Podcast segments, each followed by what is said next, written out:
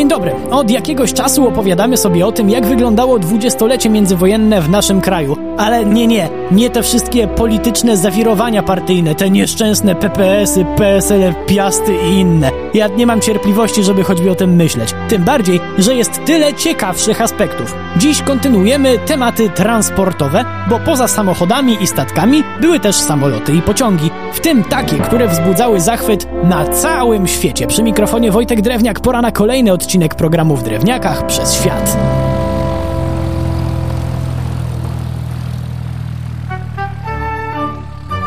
Zacznijmy od lotnictwa, naturalnie cywilnego, bo wojskowe to temat na zupełnie inny raz. Polskie linie lotnicze powstały w 1929 roku i w ciągu 10 lat, zanim wojna brutalnie przerwała rzeczywistość, z jej usług skorzystało jakieś 220 tysięcy osób. To całkiem nieźle, biorąc pod uwagę fakt, że lotnisko z prawdziwego zdarzenia na Okęciu, czyli takie z porządną radiostacją, hangarami, magazynami itd., tak powstało dopiero w 1931 roku. Można było polecieć z Warszawy? Choćby do Grecji, Finlandii, Włoch czy Danii. Destynacji było 13, jeśli chodzi o państwa i aż 21, jeśli mówimy o miastach. W 1940 miały ruszyć loty transatlantyckie, ale niestety wiadomo, co stanęło na przeszkodzie. Tymczasem na lądzie królowały pociągi, które jednak nie zawsze miały lekko i to nie tylko dlatego, że jak to pociągi były bardzo ciężkie. Wiele tras kolejowych po I wojnie powstało nie tylko z myślą o skomunikowaniu kraju, żeby łatwiej się na wczasy jeździło. Priorytetem była ekonomia, a ta bardzo cierpiała przez przepychanki z Niemcami. Wojna celna i konieczność zbudowania chociażby dużego węzła kolejowego w Nowym Porcie w Gdyni na jakiś czas okazały się priorytetem.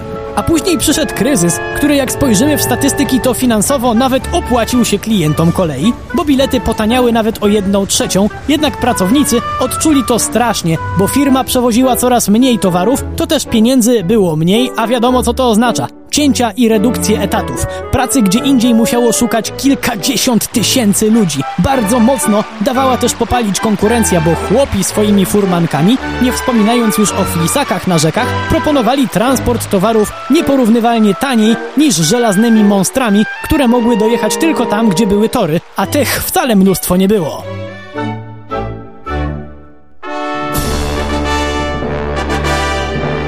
O końcu kryzysu na kolei można mówić dopiero w okolicach roku 1936, jednak to było doprawdy imponujące odbicie się od dna. Nie tylko oddano pierwsze zelektryfikowane linie i zaczęto transportować węgiel w rekordowych ilościach.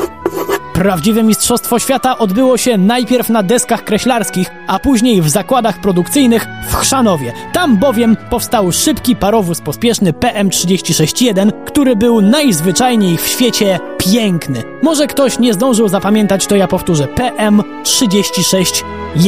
Jednak ta aerodynamiczna konstrukcja była taka, a nie inna, nie tylko żeby wyglądać tak wspaniale, że pociąg zgarnął złoty medal na wystawie światowej w Paryżu. Konstruktorzy w ten sposób zadbali o zapewnienie jak największej możliwej prędkości. Udało się? Oczywiście. Skąd to wiemy? Dzięki testom, które przeprowadzono, jak to zwykle z testami prędkości bywa, na niemieckiej trasie. Wracając ze wspomnianej już wystawy w Paryżu, maszyniście powiedziano Depnij pan gaz do dechy! No i depnął, a pociąg polskiej produkcji przekroczył magiczną barierę 150 km na godzinę. Ten egzemplarz niestety nie przetrwał do naszych czasów, ale możemy za to oglądać jego brata PM36-2, który zresztą dzielnie pracował na kolei długie lata i zanim odszedł na emeryturę do muzeum, to dzielnie służył do 1965 roku.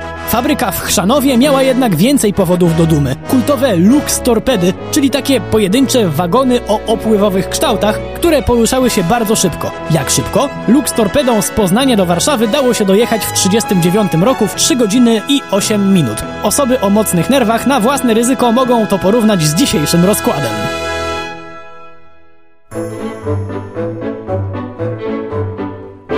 Jednak w większości te maszyny kojarzone były z kursami do Zakopanego, które właśnie w dwudziestoleciu stało się najmodniejszym miejscem w kraju. Jednak nie każdy mógł sobie pozwolić na spędzenie czasu w tym kurorcie pod Tatrami pośród artystów i nadzianych młodzieńców, robiących sobie w dzień wyścigi samochodowe na trasie do Morskiego Oka, a wieczorem bawiących się przy muzyce kapel jazzowych. A gdy wstał kolejny dzień, wjeżdżali na Gubołówkę nowoczesną kolejką. Planowano pod Zakopanem otworzyć też lotnisko, jednak wojna pozmieniała plany. Zanim jednak wybuchła, nasi przodkowie pokochali turystykę i prawie 2 miliony Polaków wyjeżdżało gdzieś na wczasy. A łatwo było je w dwudziestoleciu międzywojennym zaplanować? Na bank nie każdy był w stanie, ale spokojnie, to właśnie w tym okresie w Lwowie powstało pierwsze polskie biuro podróży, które szybko wbiło się do światowej czołówki. Miało ponad 100 oddziałów w Polsce i 19 za granicą. Mało? No to dorzućmy do tego jeszcze cztery hotele. Turystyka zatem kwitła, a jak z edukacją i innymi ważnymi inwestycjami w kolejne pokolenia Polaków? O tym opowiemy sobie już w naszym kolejnym spotkaniu. Przy mikrofonie był Wojtek Drewniak.